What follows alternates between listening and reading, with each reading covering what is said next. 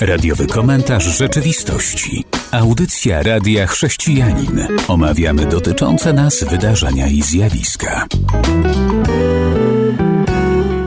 Witam słuchaczy Radia Chrześcijanin i audycji Radiowy Komentarz Rzeczywistości. Witam Wojciecha. Witam Cię Robercie, witam Państwa. Tydzień przyniósł nam kolejne wiadomości i nie ukrywam, że w tym tygodniu rzeczywiście bardzo dużo się działo, ale podejrzewam, że bardzo dużo nie będziemy mogli powiedzieć. No ale zaczynamy, żeby już przejść do rzeczy. Wojciechu. Ostatnio na zlecenie Rzeczpospolitej firma Ibris przeprowadziła ankietę wśród naszych mieszkańców. Ankieta dotyczyła tego, jak oceniają wyższe mandaty, które ostatnio zostały wprowadzone przez nasze państwo, przez prawodawców, i okazuje się, że aż 69% Polaków uważa, że wysokie mandaty poprawią bezpieczeństwo na drogach. Kierowcy będą jeździli wolniej, tak wynika z sondażu, tak ludzie uważają. Więcej niż co piąty twierdzi, że surowe kary zdecydowanie poprawią bezpieczeństwo, a 46,5% że raczej wpłyną na poprawę. I tutaj, co ciekawe, 3 czwarte młodych w wieku 18-29 lat uważa, że kierowcy będą jeździli teraz wolniej a z kolei najwięcej sceptyków jest wśród 30-39-latków. Na przykład połowa z nich kwestionuje skuteczność wysokich mandatów, jak możemy przeczytać w dzienniku. Czy ty, Robercie, uważasz, że wysokość mandatów wpłynie na bezpieczeństwo na naszych drogach? Chciałbym się przekonać i żeby tak było, ale naprawdę w to wątpię, dlatego że bardzo wiele osób, z tego co tak słyszę i widzę, które łamią przepisy drogowe, to są też osoby, które stać na mandaty, jeżdżą dobrymi samochodami, to ich nie stać, żeby zapłacić parę złotych, czy nawet kilkaset złotych więcej. Ja tutaj jestem też lekko sceptyczny, dlatego że moim zdaniem przede wszystkim nieuchronność kary to jest to, co wpływa na bezpieczeństwo nasze na drogach, bo to, że mandaty są duże, to fajnie, no w pewnym sensie poprawi to pewnie w świadomości wielu ludzi tutaj jazdę, natomiast uważam, że tylko nieuchronność kary, czyli egzekwowanie tych przepisów, to jest to, co tak naprawdę jest potrzebne. Bo jeżeli taki człowiek, jak mówisz, jest zamożny, stać go na płacenie mandatów, może się okazać, że po 10 mandatach takich dosyć surowych może już go nie być stać na takie szaleństwa, więc zdecydowanie myślę, że powinniśmy apelować do policji, żeby więcej patroli sprawdzało tą naszą prędkość niż y, podnosili kwoty mandatów. A do ludzi wierzących też mogę zaapelować o rozwagę, dlatego że nie da się tego ukryć. Chrześcijanie potrafią szaleć na drogach, co widać po tym, że z tyłu mają rybkę.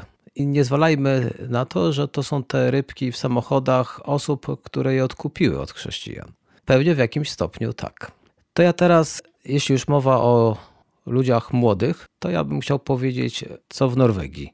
Bo w Norwegii młodzi ludzie tonują swoje poglądy wyrażane w mediach społecznościowych z obawy przed tym, że utracą szansę na karierę. I to dotyczy nie tylko chrześcijan, ale także wyznawców innych ugrupowań. Chodzi między innymi o to, by nie móc dzielić się wersetami biblijnymi, boją się mówić. Jak to podsumowuje jedna z osób, wolność słowa jest ograniczona. Młodzi boją się cokolwiek powiedzieć w mediach społecznościowych, aby ich ta mowa nie była uznana za mowę nienawiści. Taki problem mają młodzi. Taki problem mają młodzi Norwegowie. No, bardzo ciekawe. Tutaj u nas, akurat w Polsce, pewnie nie ma jeszcze takiego problemu, bo często nawet widzę, że w Sejmie są przemowy, które są okraszone często wyrywkami z Pisma Świętego w mniej lub bardziej trafiony sposób nawiązują do tego, co dany poseł chce przedstawić. A tutaj, no, takie zachowawcze działania są w pewnym sensie zrozumiałe, aczkolwiek szkoda, że kraj taki jak Norwegia, który był do tej pory uważany za jakąś taką krainę, której można jednak się wypowiadać, prowadzi do tego, że no, ludzie nie bardzo chcą to robić. Między innymi, jak mówi tutaj pewien rozmówca, boją się wykluczenia ze społeczności przyjaciół, nadania im stereotypowych postaw i cech, czy uznanie ich za zbyt konserwatywnych. Dobrze, to kolejna wiadomość. Słucham Wojciechu. E, wrócimy może na terytorium naszego kraju i niegasnące echa inwigilacji Pegasusem. Tutaj RMF e, zlecił przeprowadzenie takiego też sondażu i agencja United Surveys przeprowadziła na zlecenie tego radia sondaż, ankietę. Ankietowani byli bardzo, można powiedzieć, mocno przekonani o tym, że sprawa powinna być wyjaśniona, że ponad 60% Polaków uważa, że nie można tego pozostawić bez wyjaśnienia. 20% uważa, że za, powinna się zająć tym Sejmowa Komisja Śledcza, natomiast y, kolejne procenty, już mniejsze, uważają, że Najwyższa Izba Kontroli, specjalna komisja powołana przez Senat, czy Komisja do Spraw Służb Specjalnych 18,8% uważa, że sprawą powinny zająć się inne instytucje, nie wymieniono jakie. No, sprawa jest bulwersująca, bo okazuje się, że nasze państwo jednak mimo zapewnień, że nie robiło tego, przedstawiło fakturę, która według prezesa Izby Kontroli Mariana Banasia dotyczyła właśnie zakupu tegoż programowania. No i tak jak mówię, sprawa jest bulwersująca, na pewno powinna zostać w jakiś sposób wyjaśniona. Ja uważam, że powinna się tym zająć prokuratura, bo komisje śledcze nie mają odpowiednich uprawnień, mimo że są wskazywane jako y, odpowiednie organy. Natomiast szkoda, że nasze państwo podsłuchuje własnych obywateli, zwłaszcza jeżeli są to siły przeciwne politycznie. Kierujemy się powolutku w stronę państwa policyjnego, totalitarnego. Tak, też jestem za tym, że powinno być to wyjaśnione. Powinni być pewni ludzie ukarani, dlatego że to jest naruszenie wolności obywatelskiej. Nie można na to pozwolić. Jeżeli Polacy nie będą mieli zdania albo zgodzą się z tym, że jest ok, to jest tylko jeszcze jeden krok, aby nie tylko wybrani byli tak podsłuchiwani i inwigilowani, ale już wszyscy. Powstanie określony urząd do kontroli obywateli. Wszyscy obywatele będą podsłuchiwani, nagrywani, obserwowani i w sumie można by było podejrzewać, że będzie jak w Chinach. Zapraszam naszych słuchaczy na przerwę muzyczną, po której wracamy i będzie część druga. Radiowy komentarz rzeczywistości. Witam po przerwie muzycznej. Proszę Wojciechu. Jak się okazało, w 2021 roku więcej było ślubów cywilnych niż kościelnych. W Krakowie w roku, z roku na rok rośnie liczba ślubów cywilnych. W dwóch ostatnich latach przewyższyła liczbę ślubów konkordatowych, czyli kościelnych i wyznaniowych. Tak wynika z danych przygotowanych przez tamtejszy magistrat. Na pytanie właśnie do kurii, jak to wytłumaczyć, rzecznik krakowskiej kurii, ksiądz Łukasz Michalczewski ocenił, że statystyki dwóch ostatnich lat są spowodowane pandemią. Podkreślił, że ten rok 2022 będzie bogaty w śluby, na co ma wskazywać kalendarz. Wiemy, że takie faktycznie są różne przyzwyczajenia młodych par, że chciałby mieć takie konk- konkretnie okrągłe daty, jak na przykład gdy rok jest, zawiera dwójki, to przeważnie te śluby się odbywają w lutym i drugiego, 22. No taka jest jakaś tradycja. Natomiast właśnie dane krakowskiego urzędu wskazują jednoznacznie, że ta liczba spada. Czy my też podejrzewamy, że to pandemia, czy może widzimy inne wytłumaczenie tego faktu?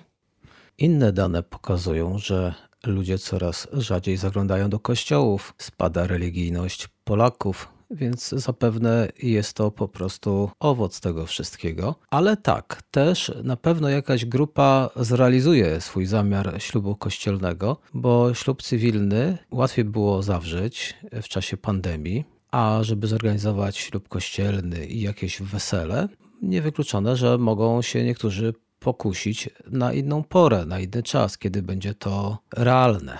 A dodam dla tych, którzy są ciekawi, tak, śluby konkordatowe to są te śluby, kiedy już osoba nie musi zawierać związku małżeńskiego po raz drugi. No taka śmieszna sytuacja była, że pary szły do Urzędu Stanu Cywilnego, tam zawierały związek małżeński, ślubowały sobie miłość, wierność, potem jechały do kościoła na nabożeństwo, podczas którego jeszcze raz sobie ślubowały i jeszcze raz zakładały obrączki. Od lat mamy ten komfort, że kościoły mogą takie śluby przeprowadzać w świetle już nowych przepisów. Jest to jeden kościelny, a zarazem również cywilny, państwowy. Dlatego, że duchowni odprowadzają określone dokumenty i jest on rejestrowany już w Urzędzie Stanu Cywilnego. A właśnie tak jak powiedziałeś, często spotykało się z takim stwierdzeniem, że w Urzędzie Stanu Cywilnego to nie ślub, tylko rejestracja związku, więc to coś w tym jest. Dziękujemy, że to się zmieniło. Jest to ogromna wygoda dla młodych par. To może teraz przenieśmy się na chwilę do Izraela Jakiś czas temu mówiłem, że turyści nie jadą, bo pandemia, bo jakieś ograniczenia. To teraz troszkę inna wiadomość. Liczba chrześcijan w Izraelu od chwili narodzin tego państwa okazuje się systematycznie wzrasta. Wydawało mi się, bo to była inna wiadomość, że ta liczba chrześcijan spada. Ale teraz już mam pełną jasność, bo jak Centralne Biuro Statystyki Izraela informuje, to maleje w ujęciu procentowym w porównaniu z przedstawicielami innych religii, czyli Żydów, muzułmanów i Druzów, ale tak grupa chrześcijan rośnie. I w związku z tym chciałbym jeszcze zwrócić uwagę na to, że jak ten Urząd Statystyczny informuje, chrześcijanie są jednak zamożniejsi i lepiej wykształceni, zwłaszcza kobiety, niż ma się to w tych pozostałych grupach, co chyba brzmi bardzo optymistycznie. Brzmi bardzo optymistycznie, bo też mi się zdawało, że z racji tego, że islam postępuje, że Żydzi mieszkający w Izraelu są jakby, można powiedzieć, u siebie, to chrześcijaństwo będzie coraz bardziej w odwrocie. Natomiast ta informacja bardzo cieszy. Nie dziwi mnie to, że chrześcijanie stają się jakby zamożniejsi i bardziej wykształceni, bo Pan Bóg troszczy się o swój lud i też daje różne możliwości, otwiera pewne drzwi, pewne drzwi zamyka, tak, i wiemy, że wierzący zawsze mogą liczyć na Jego pomoc. No cieszy, bardzo cieszy taka informacja. Pozostańmy jeszcze przez chwilę w Izraelu, bo jak się okazuje, Teofil III informuje nas, to jest patriarcha Jerozolimy, że kościoły są zagrożone przez radykalne grupy izraelskie. Pozwolę sobie go tutaj zacytować. Nasza obecność w Jerozolimie jest zagrożona. I dalej też kontynuuje. Nasze kościoły są zagrożone przez skrajne, radykalne grupy izraelskie. Ci ekstremistyczni syjoniści są przyczyną ogromnych cierpień społeczności chrześcijańskiej w Jerozolimie. Nasi bracia i siostry stają się ofiarami przestępstw nienawiści. Nasze kościoły są regularnie bezczeszczone i dewastowane. Nasze duchowieństwo jest obiektem częstego zastraszania. Także jednak widzimy wzrost chrześcijan, ale także widzimy, że niektóre grupy, dobrze, że to są jakieś skrajne i mam nadzieję, że niekoniecznie liczne, nie są z tego powodu szczęśliwe. No, na pewno znajdą się tacy, którzy są niezadowoleni. Zresztą wiele informacji, które przytaczałeś odnośnie zachodniej Europy, wskazuje na to, że jednak chrześcijaństwo niektórych wyczekuje. Też spodziewamy się, że i tak tam jest, jeżeli ci ludzie widzą, że właśnie chrześcijanom się świetnie powodzi, no komuś to będzie zawsze przeszkadzać. No przykre jest to, że to są właśnie ludzie, którzy też chlubią się tym, że wierzą w Boga. Nie za ciekawe, no nieprzyjemne. Dobrze, a co Wojciechu ty nam powiesz teraz?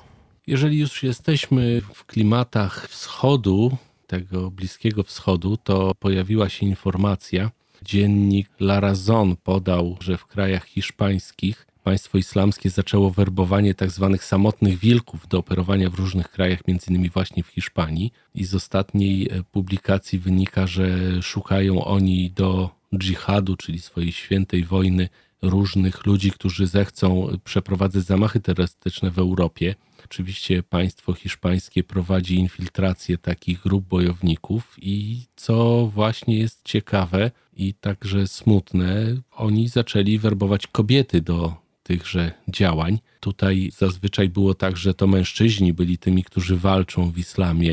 Kobiety raczej były pomijane w tych sprawach. Nawet swego czasu była taka śmieszna sytuacja, że Izrael utworzył oddziały kobiece, z którymi właśnie część tych bojowników nie chciała walczyć. Po prostu on, on, te kobiety przechodziły po nich, praktycznie rozjeżdżały ich w pył, ponieważ oni nie chcieli walczyć z kobietami. A tu się okazuje, że zmieniło się działanie, zaczynają wciągać też kobiety.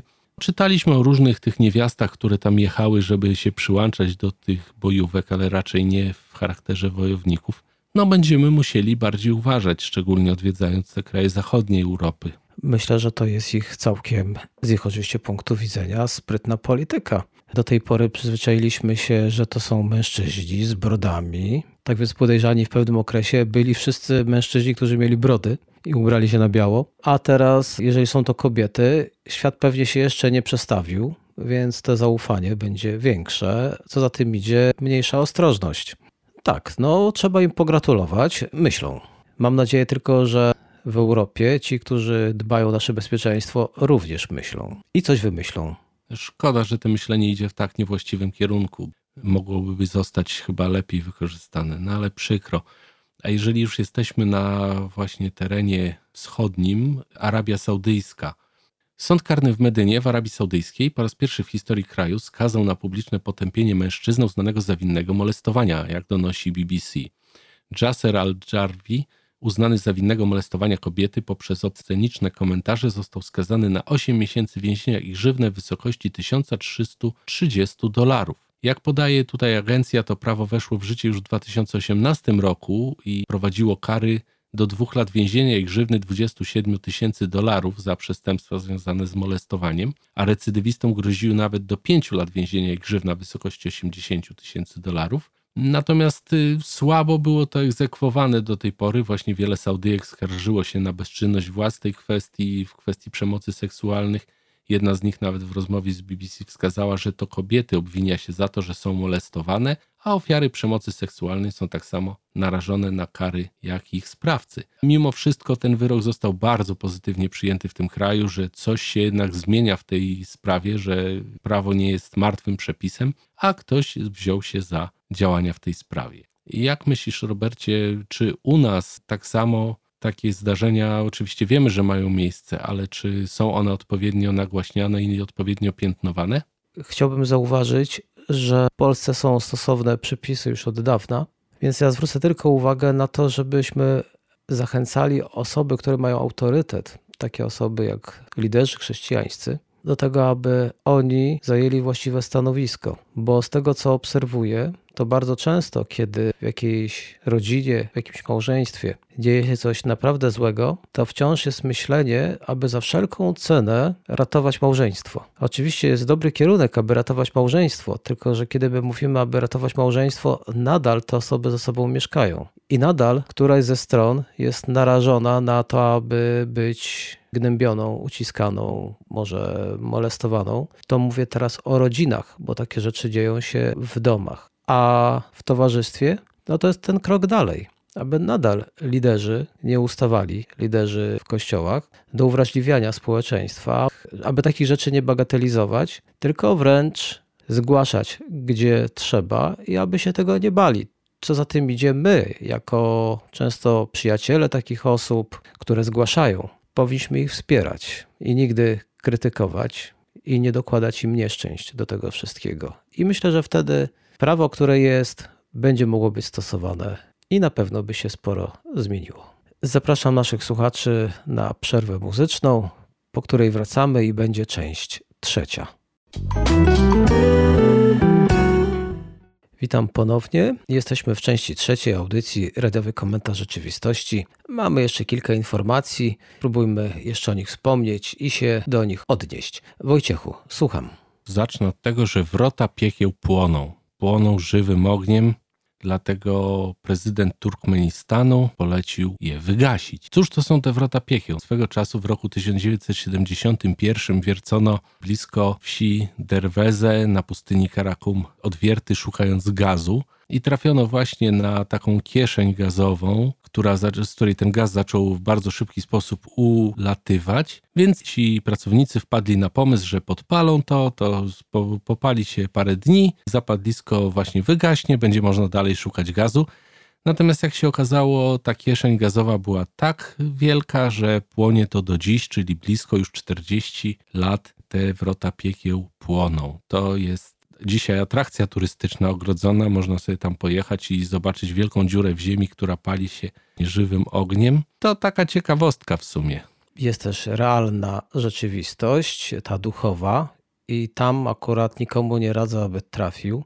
Potrafienie tam będzie oznaczało to, że dana osoba będzie z dala od Pana Boga. Także moi drodzy, gdzieś wrota piekieł jak najbardziej są, ale my niekoniecznie tam się pchajmy. A jeżeli już mówimy o ciekawostkach, to powiedzmy sobie o tym, że COVID-19 co niektórym może przynieść korzyści. I nie chodzi o finansowe, dlatego że w mediach społecznościowych w Australii osoby, które otrzymały szczepienia przeciw COVID-19 preparatami mRNA, zaczęły informować, że znikają im na skórze kurzajki, albo też inne dostrzegają pozytywne zmiany skórne. Czyli jednak są skutki ujemne szczepionki takie ujemne, będzie trzeba to pewnie zbadać, na jakiej zasadzie to się dzieje.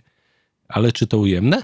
Jak po szczepieniach znikają, jeszcze dodam, wykwity łuszczycowe czy plamy związane z egzemą, Także podejrzewam, że może się tak zdarzyć, trochę teraz ironizuję, że zwrócą się o odszkodowania ci, którzy przyjęli te szczepionki, no bo jakby nie było, są to skutki uboczne, nieprzewidziane przez producenta. Ale żeby teraz trochę powiedzieć, co się dzieje dalej, to choć związek między szczepionkami na koronawirusa, a tymi różnymi pieprzykami, brodawkami wirusowymi nie został jeszcze dokładnie przeanalizowany, to już w październiku ubiegłego roku w czasopiśmie naukowym Europejskiej Akademii Dermatologii i Wenerologii wywnioskowano, że stosowanie preparatów przeciw COVID-19 może mieć związek ze zmianami na skórze, informuje serwis medonet.pl. Także uważajmy, skutki ujemne, jak widać, są. Oby jeszcze do nich można było dołączyć inne typu wzrasta wrażliwość na krzywdę ludzką. Na koniec przenieśmy się do Cabo Delgado w Mozambiku. Tam miało miejsce pewne zgromadzenie przedstawicieli różnych religii. I wniosek z ich konferencji jest taki, że religie nie powinny być przyczyną konfliktów. Czy też tak uważasz? Zdecydowanie tak uważam, ale domyślam się, że jest haczyk. Tak, jest. Ale też chciałbym, żeby religie nie były przyczyną konfliktów. W tych ich wspólnym oświadczeniu, wydanym na zakończenie spotkania, wiązali jeszcze do deklaracji na temat ludzkiego bohaterstwa z Abu Zabi. Zobowiązali się też oni do wspólnej modlitwy o trwały pokój w tym naznaczonym napięciami regionie południowoafrykańskiego kraju. Można by tu spokojnie dołączyć jeszcze wiele innych krajów, Zaapelowali także, aby odrzucić przemoc, no i używanie tej religii do celów terrorystycznych. Pięknie. Jak najbardziej niech to mówią, ale chciałbym zauważyć, że chrześcijaństwo zawsze będzie powodem konfliktów. Po prostu Jezus jest przyczyną konfliktów. Ci, którzy myślą, że chrześcijaństwo niesie pokój, powinni wziąć pod uwagę to, co czytamy w Ewangelii Mateusza w 10 rozdziale. Pozwolę sobie przeczytać, 34 werset. Jezus mówi: Nie sądźcie, że przyszedłem pokój przynieść na ziemię. Nie przyszedłem przynieść pokoju, ale miecz. Przyszedłem poróżnić syna z jego ojcem, córkę z matką, synową z teściową i będą nieprzyjaciółmi człowieka jego domownicy. Kto kocha ojca lub matkę bardziej niż mnie, nie jest mnie godzien. To jest właśnie ten fragment, a też on się kończy w 39 wersecie. Kto chce znaleźć swoje życie, straci je, a kto straci swoje życie z mego powodu, znajdzie je. To mówię w tym kontekście, bo teraz chciałbym się przenieść do Indii, gdzie mamy przykład księdza, który został wezwany do sądu za obrazę uczuć religijnych hinduistów. A co się stało? No bo ten ksiądz mówił, że Jezus jest jedynym Bogiem. To co zrobili hinduiści? Mocno się zdenerwowali. Wiesz czemu? No bo wierzą w wielu bogów, tak? Dokładnie. I zarzucili mu, że ta jego mowa to jest mowa nienawiści, że on podburza tłum, bo on mówi, że tylko Jezus jest Bogiem, a w ten sposób daje do zrozumienia, że oni wierzą w fałszywych bogów. No bo tak jest. Dokładnie. Ponadto według sędziego prawdziwym powodem sprzeciwu wobec nawracania hinduistów, i to jest ten cytat, to jest monopolistyczne roszczenie do uznawania Jezusa za jedynego Boga, a wszystkich innych bogów za fałszywych. To był cytat. Tak jak powiedziałeś, my tak wierzymy, że tylko jest jeden Bóg, a oni, a oni się pogubili, a oni błądzą. No i dlatego są mocno oburzeni, i to jest ten powód. Teraz już widzisz, gdzie jest powód prześladowania chrześcijan na świecie? Tak, tak można by było wnioskować. Mnie zawsze to nurtowało, ilekroć rozmawiałem z różnymi ludźmi i mówiłem im o Jezusie, oni mi często właśnie zarzucali, że obrażam ich uczucia religijne. Więc moje stanowisko było takie, że słuchajcie, wygłosząc swoją jakąś tam wiarę, naukę, czy w co wierzycie, też obrażacie w jakiś sposób moje uczucia religijne. To takie, przypomina mi to ostatni występ Kazika, tak? Twoje uczucia są ważniejsze niż moje. No nie ma czegoś takiego chyba. No, każdy ma swoje uczucia oczywiście, no ale wygłaszając jakieś poglądy, zawsze musimy się liczyć, czy jedna, czy druga strona może się poczuć urażona. Ale to chyba nie chodzi o to, żeby się obrażać, tylko żeby właśnie rozmawiać, tak? Jeżeli ktoś jest w stanie przekonać mnie do tego, że on wierzy właściwie, a ja nie, no to siądźmy, rozmawiajmy. No, my mamy oparcie swoje w piśmie, tym, co Bóg nam zostawił. No, zawsze jesteśmy w stanie bronić swojej wiary. A jeżeli ktoś staje na stanowisku, że ja mam rację, a ty, co mówisz, obrażasz moje uczucia, no to to nie jest wiara, tylko taka osoba jest uparta po prostu. No i tyle komentarza mojego do tej sytuacji. Dziękuję. Więc jak widzimy, religia nie powinna być przyczyną konfliktów, tak z samych siebie, żeby innych bić i gnębić tylko dlatego, że myślą inaczej, ale niestety Pan Jezus to przewidział, że z powodu Jego i tego naszego przekonania, że to Jezus jest jedyną drogą, prawdą i życiem, ludzie nie będą zachwyceni i będą właśnie z tego powodu, z powodu Jezusa, nas gnębić. To, że nas gnębią z powodu Jezusa, poczytałujmy sobie za zaszczyt, a jeżeli nas gnębią z powodu naszego złego zachowania, bycia osobą nieempatyczną, to tak, to trzeba się wtedy nawrócić. I tym to akcentem kończymy na dzisiaj. Zapraszam już na kolejną naszą audycję, a teraz mówimy do usłyszenia. Do usłyszenia. Był to radiowy komentarz rzeczywistości.